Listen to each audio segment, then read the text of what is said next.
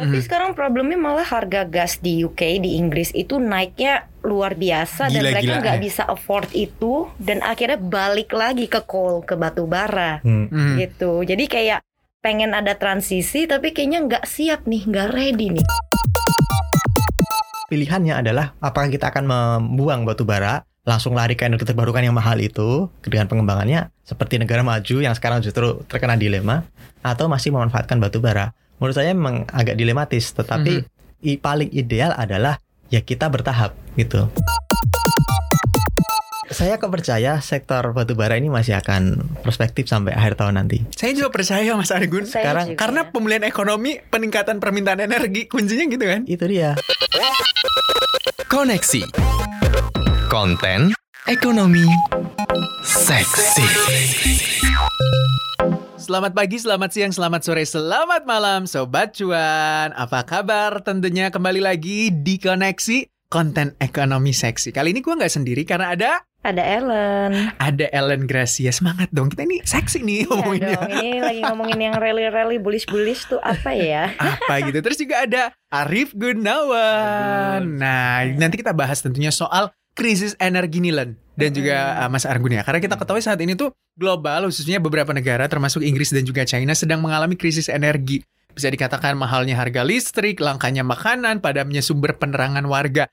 Ini yang membuat juga harga batu bara rally, terus juga harga CPO juga kita lihat rally kemarin dan permintaan akan energi terus meningkat di tengah pemulihan ekonomi global. Gitu nggak? Iya, bahkan kemarin harga batu bara acuan global aja udah di atas 200 dolar. Benar. Bayangin udah break new high lagi nih, rekor baru lagi ya. Mhm, tapi gimana dengan saham-saham emiten batu bara atau energi di dalam negeri kita? Kita bahas nanti, Mas Argun. Kalau kita lihat nih, dengan krisis energi yang terjadi, apakah memang sudah seiring sejalan dengan pemulihan ekonomi? Ketika habis krisis gitu, atau habis terjadi ya sebuah permasalahan di ekonomi baik di global gitu atau domestik, memang permintaan energi akan cenderung naik.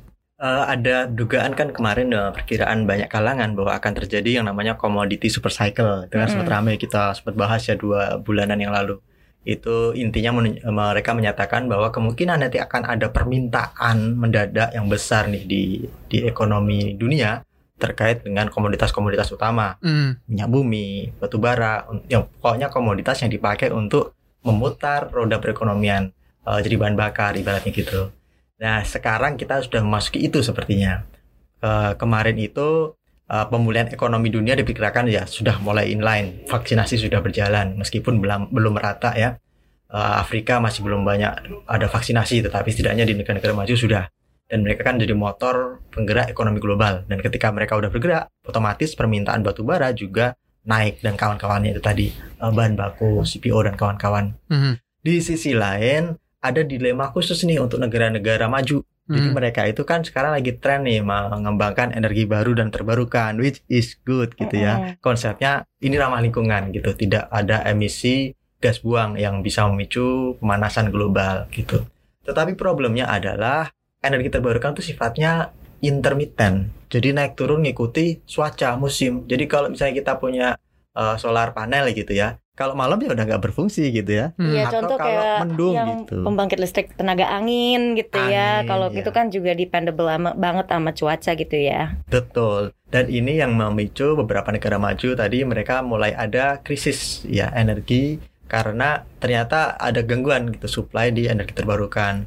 Di sisi lain ya kalau itu terganggu sementara permintaannya tetap apalagi cenderung naik ketika ekonomi sudah mulai berputar, roda-roda perindustrian mulai berjalan, ya otomatis ada permintaan untuk eh, penyangganya gitu. Mhm. Nah, problemnya tadi energi terbarukan itu kan mereka intermittent sehingga tidak bisa dijadikan istilahnya itu base load. Base load itu penyangga utama eh, jaringan listrik nasional. Jadi kalau misalnya eh, di Indonesia ini misalnya ya permintaan eh, listriknya adalah 10.000 megawatt misalnya Hmm. per tahun. Berarti kita harus punya minimal 11.000 untuk jaga-jaga lah Hmm. minimal gitu. Nah, base loadnya di situ 11.000 itu. Ini tidak bisa di eh, digantungkan pada energi terbarukan. Benar. Ya karena kan dia itu naik turun. Cicilan listriknya naik turun kecuali ada baterai yang sangat besar Benar. 11.000 megawatt itu Mm. segede mungkin sekecamatan kali baterainya ya. jadi ini yang jadi pemicunya untuk kesulitannya energi terbarukan menjadi base load. Nah, yang Hmm. base loadnya apa? Mohon maaf, masih PLTU pembangkit listrik tenaga uap batu bara dan pembangkit listrik tenaga gas Aha. PLTG. Makanya eh, kemarin permintaan gas di Eropa naik. Eh, Cina juga mulai ingin memakai lagi impor lagi batu bara. Tapi Mhm. sekarang problemnya malah harga gas di UK di Inggris itu naiknya luar biasa dan mereka nggak bisa afford itu dan akhirnya balik lagi ke coal ke batu bara Hmm. Hmm. gitu. Jadi kayak pengen ada transisi tapi kayaknya nggak siap nih, nggak ready nih. Jadi ibaratnya kayak jilat ludah sendiri. Eh gue nggak mau pakai batu bara lagi nih. Gue mau pakai energi bersih. Ayo semua kita nggak usah investasi lagi energi uh, ya batu bara misalnya PLTU di luar negeri. China kan juga udah bilang dia nggak bakal bangun PLTU di luar negeri. Tapi realitanya nggak seperti itu juga kan Mas Malah dia katanya mau bangun lagi produksi yang di dalam negeri. Di dalam Oke, negeri. yang di luar negeri itu di stop, yang lu- yang di dalam negeri itu bakal digencarin. Nah, kan jadi bingung gitu loh. Jadi kayak CLBK lagi nih, Iya. balik ke mantannya lagi, nih, ke batu bara lagi, ke coal lagi. Aneh gitu, nggak move on move on kayaknya ya. Iya. Dan memang agak sulit kalau mau move on gitu ya dari eh, Batu bara. batu bara. Hmm. Karena memang realitanya batu bara itu energi yang paling murah. Benar. Ini kan kalau kita bicara affordability-nya ya gampang dia dijangkau oleh siapa pun, tinggal pesen di mohon maaf ibaratnya dicangkul aja udah dapat gitu ya. Hmm. Kemudian dikirim, dibakar, selesai. Jadi tidak ada proses tambahan misalnya kalau kita bicara energi terbarukan berarti kan dia harus punya baterai itu tadi. Benar. Misalnya kita pingin punya mm, energi terbarukan yang jadi sumber 100% ya, sumbernya Mhm. dari energi terbarukan ya harus ada baterai. Atau misalnya sebenarnya ada peluang lain nih, geothermal nih. Hmm. Mm. Geothermal tuh bisa jadi base load tadi itu. Jadi dia pasokan listriknya tetap konsisten atau pembangkit listrik tenaga air. Air itu juga konsisten. Hmm. Tapi problemnya air itu juga rawan cuaca. Kalau Hmm. lagi musim kemarau, waduk misalnya debitnya berkurang, eh, pasokan listrik yang dihasilkan juga menurun. Yang Hmm. kuat itu geothermal tadi itu. Tetapi problemnya di Indonesia, kita ini kan eh, potensi geothermalnya terbesar kedua nih di dunia setelah Amerika. Jadi Amerika tertinggi 30 ribu berapa megawatt kalau nggak salah potensinya. Sementara kita 29-an ribu gitu. Tapi kita baru memanfaatkan sekitar 10% karena apa? Kendalanya geothermal itu ada di hutan-hutan, di tengah-tengah hutan. Jadi kalau mau investasi gede banget dan terkendala perizinan gitu. Kan Hmm. itu hutan konservasi. Mm-mm. Kalau kita mau bangun kan berarti harus buka nebang hutan dan membuka jalan dan sebagainya itu agak ribet. Nah, Hmm. makanya batu bara lagi-lagi jadi solusi terutama di negara-negara maju. Paling gampang, paling cepet tinggal yaudah pesen batu bara, dibakar, selesai itu persoalan. Kan gitu. Oke, jadi berarti nanti negara-negara lain yang sekarang lagi krisis batu bara ini bakal uh, nyari batu bara salah satunya di Indonesia dong, karena kan kita juga produksi batu baranya tinggi. Tapi ini lucunya adalah pemerintah ini sebenarnya ada aturan DMO itu, Benar. Mas Hmm. Argun. Itu bagaimana nih ceritanya nanti? Ya memang DMO ini membuat potensi perusahaan-perusahaan batubara nasional untuk memanfaatkan apa namanya momentum ini ini jadi agak berkurang karena kan mereka tetap harus memasok di dalam negeri Eh, persentasenya ditentukan tetapi memang pemerintah ya gimana ya kita tidak bisa eh, menyerahkan seluruhnya pada bisnis gitu kalau diserahkan ke bisnis orang ekspor semua Hmm. batubara kita akan ke luar negeri sementara PLTU di dalam negeri tidak ada yang memasok batubara. Jadi itu akan jadi problem. Kita akan krisis energi di sini. Makanya DMO itu dijalankan dan ya realitanya memang beberapa emiten eh, harus terpangkas po- porsi ekspornya. Oh, berarti ini bumi. berarti pemerintah udah ekspektasi dong. Iya. Iya iya Bisa ekspektasi. bisa dibilang kayak gitu ya Benar. berarti ya. Mm-mm. Nah, tapi kalau kita lihat dengan ada pembatasan demo itu, bukankah itu cukup memberatkan untuk perusahaan-perusahaan batu bara, utamanya untuk meningkatkan kinerjanya setelah tekanan pandemi ini yang dengan harapan yang terjadi recovery utamanya mungkin untuk keuangannya, perbaikan fundamental perusahaannya, pembayaran atau revoke pembayaran utang gitu kan atau Hmm. seperti apa? Ya memang buat batubara itu dilematis banget gitu ya. Jadi kalau eh, diserahkan sepenuhnya mereka bisa ekspor, otomatis keuntungan yang harga 200 dolar per ton itu Di bisa depan mata. dinikmati ya. Ya benar. Mm-mm. windfallnya gede banget mereka akan kaya raya dan sebagainya tetapi ya memang mau tidak mau nih karena mereka beroperasi di Indonesia ya kita juga butuh batu bara juga emang Benar. harus dipasok Eh, PTBA sudah BUMN kita itu juga sudah memasok batu bara terbanyak tuh mereka ke dalam negeri domestik persentasenya Bumi misalnya memasoknya sekitar 50% dari produksi mereka ke dalam negeri sisanya ke ekspor Adaro yang diekspor gede sekitar Mm-mm. 70-an persen misalnya Mhm.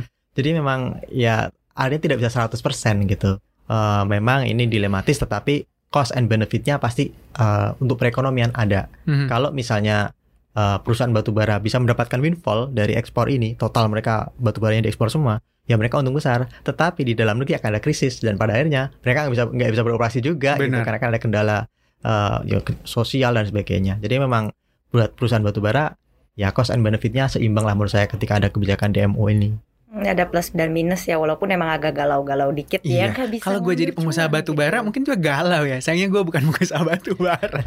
kayak ketinggalan cuan gitu ya. Iya, Tapi ya udah disyukurin aja. At least berarti demandnya kan masih tinggi. Benar. Kalau compare to last year yang lagi parah-parah banget.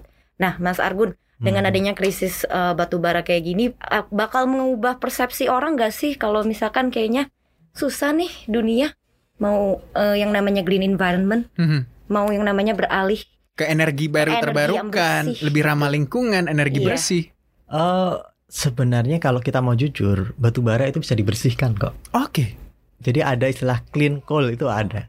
Aku tahu Aku tahu. berarti kayak eh, gasifikasi gitu ya, kayak produk turunan batu bara. produk turunan. Bahkan PLTU sekarang itu banyak yang menggunakan teknologi ultra super critical Mhm. USC, kemudian ada USCC dan sebagainya. Aku pernah bahas itu juga Mas Argun. Iya. Jadi kayak ada 10 turu- produk turunan dari batu bara yang tetap bisa membangkitkan energi tapi lebih bersih dan le- lebih ramah lingkungan. Hmm. Walaupun costnya lebih mahal ya. Betul. Pasti karena kan nggak mentah-mentah amat Harus nih, nggak langsung bakar, harus diolah juga. Hmm. Tapi itu diperhitungkan juga nggak sih sebenarnya? Ya Indonesia sedang mengarah ke sana. Memang eh, jangka panjang kita perlu gasifikasi batu bara. Karena yang bisa dijadikan gas dari batu bara itu adalah batu bara kalori rendah. Mhm. Dan kebetulan batu bara kalori rendah itu kalau dibakar sulfur dan apa namanya eh, polusinya tinggi banget. Gede banget, gitu. benar. Makanya memang cocok kalau yaudah batu bara kalori rendah diolah menjadi gas. Gasnya dibakar bersih gitu. Sementara kalori tinggi kalau dibakar langsung ya memang ada, ada polutannya tapi juga terbatas. Dan polutannya itu dengan teknologi tadi ultra super critical Mhm. itu bisa ditangkap gitu. Jadi kalau di cerobongnya itu udah kayak penangkap-penangkap listrik dan debunya gitu. Jadi kalau mereka keluar yang keluar tuh ya asap yang relatif lebih bersih nggak ada karbonnya kayak gitu gitu. Itu sudah banyak diterapkan di Indonesia. Jadi kalau kita bicara apakah ada CO2-nya, iya pasti ada. Kita naik motor juga ada karbon dioksidanya kan, Benar. polusi apa namanya gas, gas Polutannya tetap ada. Kita napas juga keluar karbon Iya. dioksida. Iya. By existing aja sebenarnya kita udah polluting this earth. Iya. Yang penting nggak polusi di hidup orang.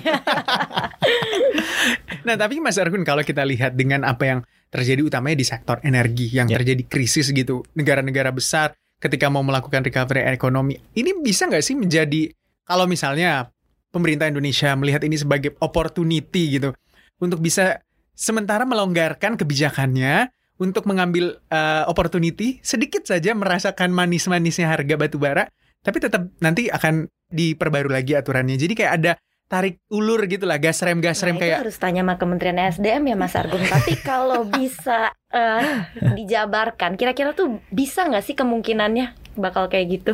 Aduh, eh, kemungkinannya sih itu butuh kemauan politik sih. ah, Hmm. Jadi memang political will dari pemerintah. Kalau misalnya nih eh, di Amerika, Amerika sekarang kan yang megang Joe Biden. benar Joe Biden kan eh, pro energi bersih, energi bersih. demokrat banget tuh. Iya. Eh, kalau Trump kemarin kan coal is good, dia Iya. gitu. Udah ini kita perlu coal gitu. Sementara Biden dia pro energi bersih. Tetapi apakah dia murni total anti coal? Enggak juga. Biden pun eh, tahu realitanya di lapangan bahwa batu bara di Amerika tuh banyak dan mereka butuh itu untuk me- memutar roda perekonomian untuk listriknya. Tetapi itu mereka mengembangkan teknologi baru. Makanya mereka Biden bikin paket eh, apa namanya kemarin itu eh, paket stimulus di mana di dalamnya termasuk research and development untuk ngolah batu bara. Hmm. Jadi batu bara itu diolah bisa jadi apa dan ternyata batu bara itu bisa diolah jadi logam tanah jarang yang sekarang lagi rame diburu itu. Di batu bara itu ada coba cuan. Jadi kalau kita bicara batu bara itu nggak cuma dibakar, diolah itu bisa menjadi bahan mobil listrik, bah kapal tempur misalnya itu juga emang ada di batu bara. Tapi Cuman itu berarti masih dalam proses riset ya. Kalau Iya. kita ngomong jangka panjangnya masih takes uh, beberapa tahun lagi dong Mas. Indonesia pasti tertinggal. Nah itu dia. kan kita masih tahun berapa ya? 19 9 berapa gitu. Jepang udah 2050 kayaknya udah jauh di depan kita atau negara-negara maju lainnya. Itu kita harus nggak bisa pungkiri juga sebenarnya. Pasti ada ya perbedaan teknologi, ketertinggalan teknologi dan macam-macam. Tapi memang harus memburu itu ya Mas Argun ya.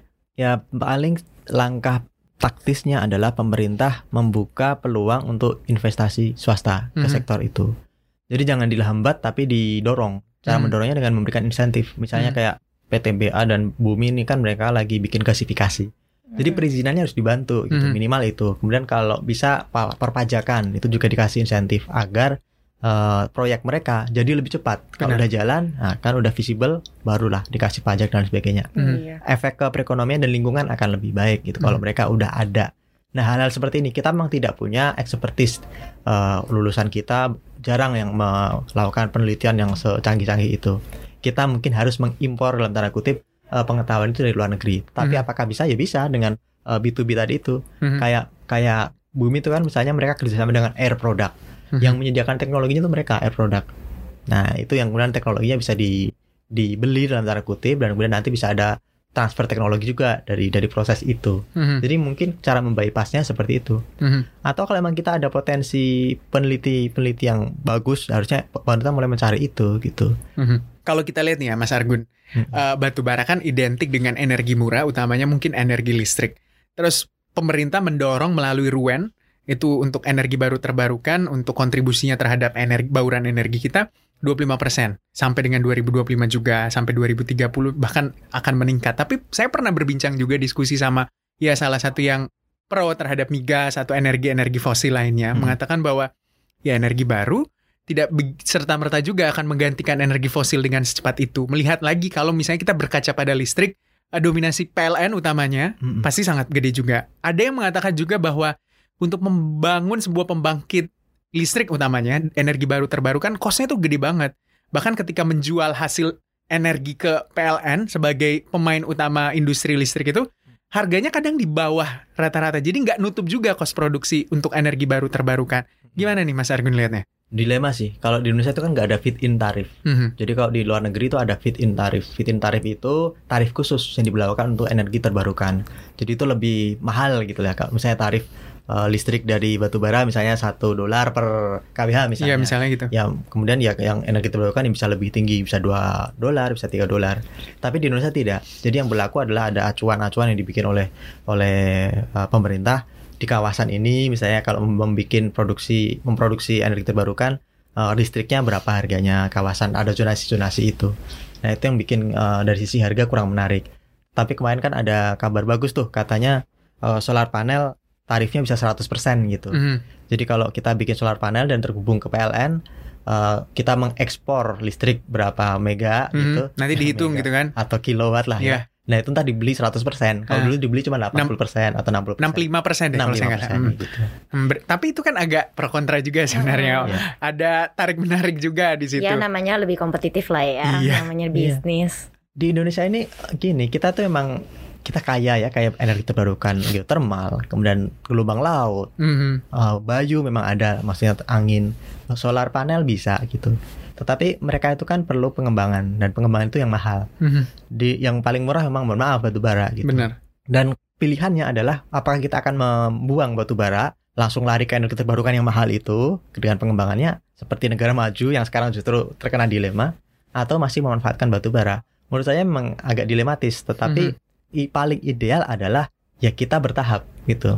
Energi terbarukan tetap dikembangkan, jangan sampai tertinggal karena batu bara juga tidak ada di bumi selamanya gitu ya. Kalau cadangan kita kalau nggak salah kan tersisa tinggal 60-an tahun. Mhm. Jadi kalau nanti anak kita atau cucu kita mungkin udah nggak ada lagi batu bara di, di bumi Hmm. pertiwi gitu ya. Eh, tetapi saat ini memang eh, paling konkret, paling gampang tuh batu bara gitu. Makanya kalau ya gimana ya, eh, kita tuh sudah dibesarkan oleh batu bara. mohon maaf. Jadi Gibran kalau pagi yang dikonsumsi pertama kali apa? Saya yakin bukan bukan kopi, bukan teh, tapi batu bara Lewat listrik. Apalagi lewat listrik. Jadi buka handphone kan pertama bangun Bener. tidur buka handphone. Handphone itu 60% listrik kita itu batu bara. Jadi kita secara tidak langsung mengkonsumsi batu bara ketika kita bangun.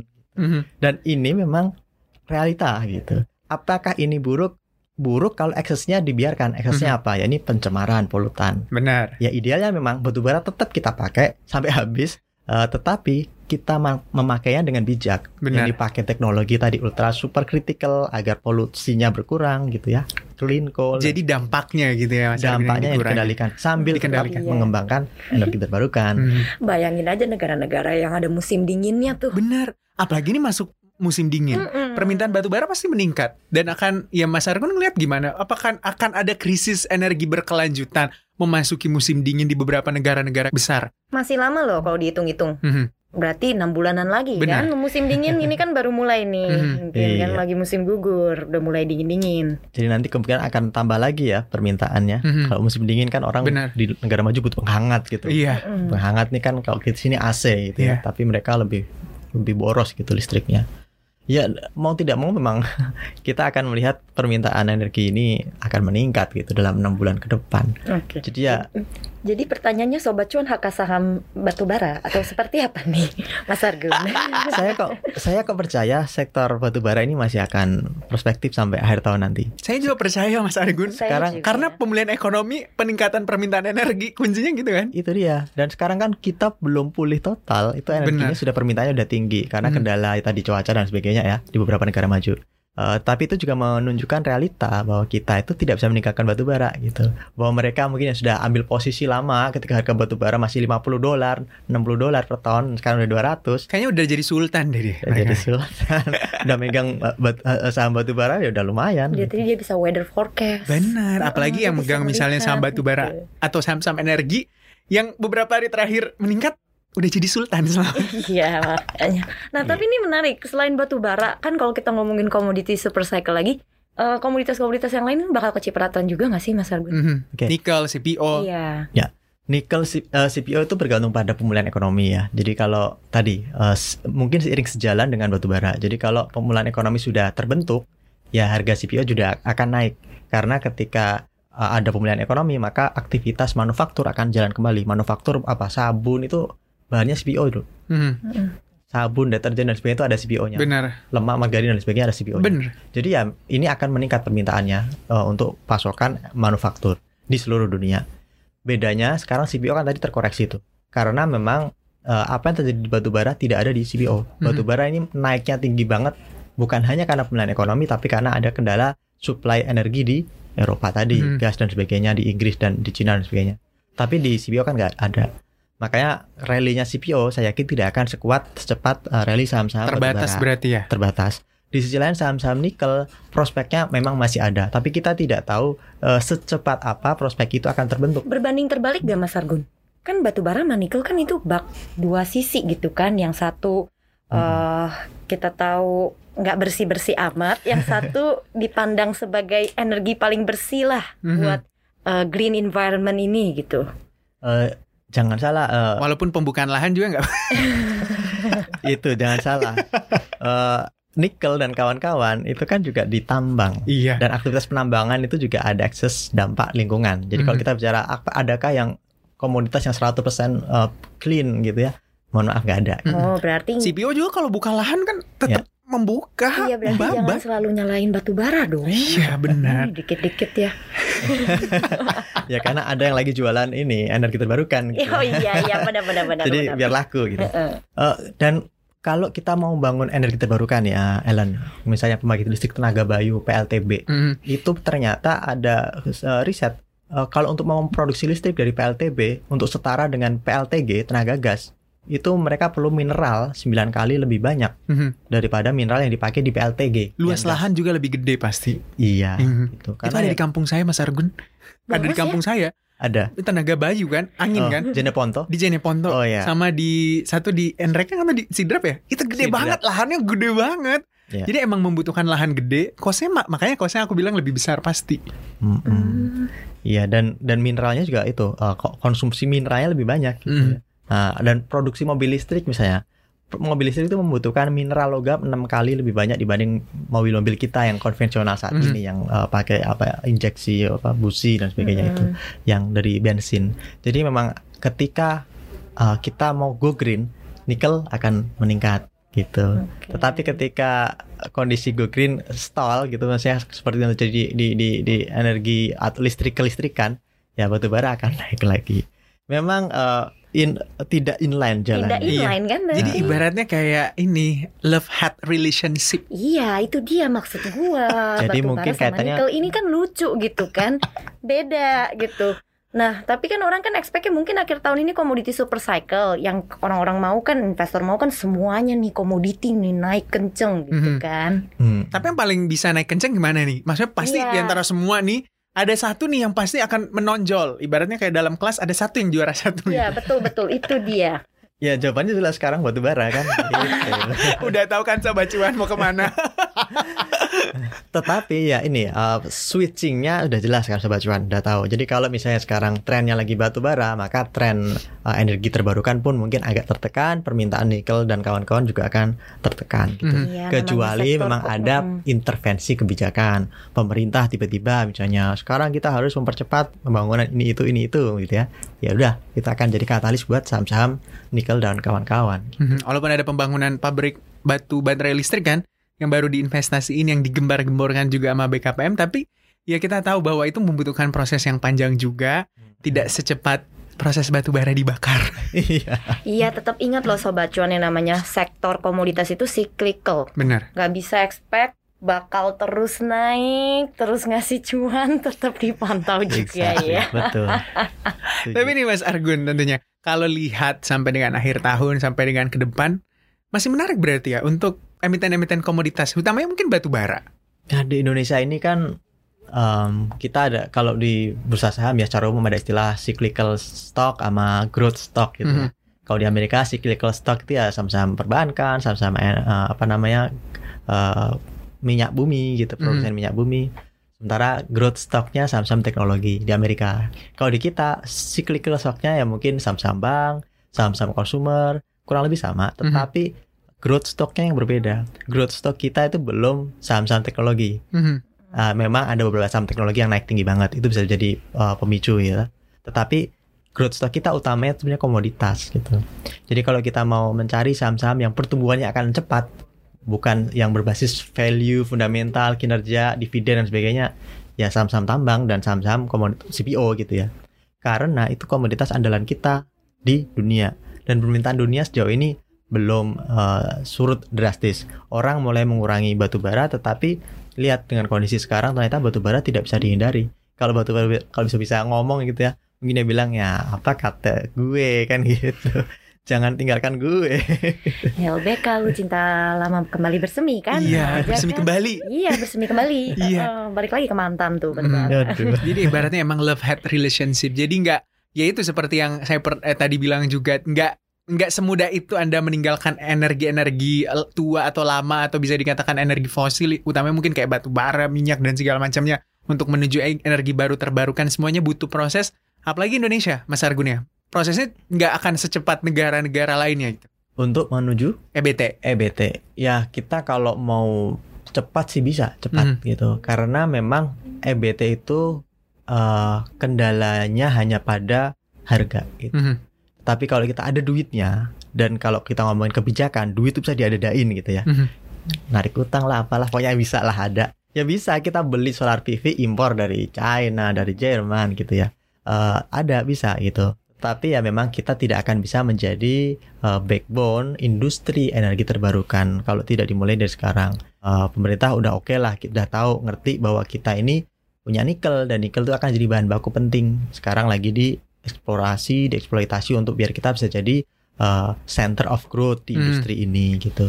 Uh, tetapi di luar itu kan masih ada sub sub subsektor subsektor lain, misalnya yaitu produksi uh, PLTB, turbinnya, uh, solar panel. Kita belum ada loh yang produksi solar panel skala komersial.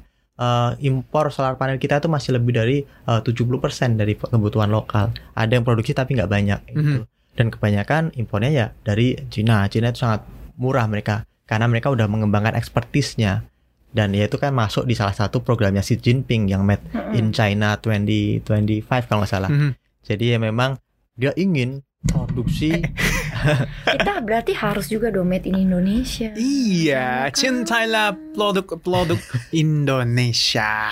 Gitu katanya. Nah, itu dia tentunya sobat cuan kita apa ya bisa dikatakan tercerahkan dengan apa yang disampaikan oleh Mas Argun soal krisis energi tentunya. Ibaratnya love hate relationship dengan batu bara itu nggak akan terlepas secepat mungkin. Ya gitu. walaupun sih emang pengennya ya bisa Iya. lepas ya. Iya. Heeh, kan maunya kan tetap namanya energi bersih EBT. Benar. Pemerintah juga punya targetnya kan. Iya, tapi tetap melihat realita yang ada di global dan domestik gak semudah itu untuk cepat beralih dari uh, energi fosil atau batu bara menuju ke energi baru terbarukan. Oke, Sobat Cuan terima kasih sudah mende- mendengarkan koneksi hari ini konten ekonomi seksi. Kita mau pamit dulu tapi jangan lupa dengerin di Apple Podcast, Google Podcast dan juga Spotify dan juga di YouTube di mana? Di cuap-cuap cuan. Iya bener banget Atau follow juga Instagramnya di cuap underscore cuan Jangan lupa terus baca cnbcindonesia.com di www dan juga di aplikasi super apps di CNBC Indonesia. Gua mau pamit, gue Gibran. Gue Ellen. Argun. Bye-bye. Bye.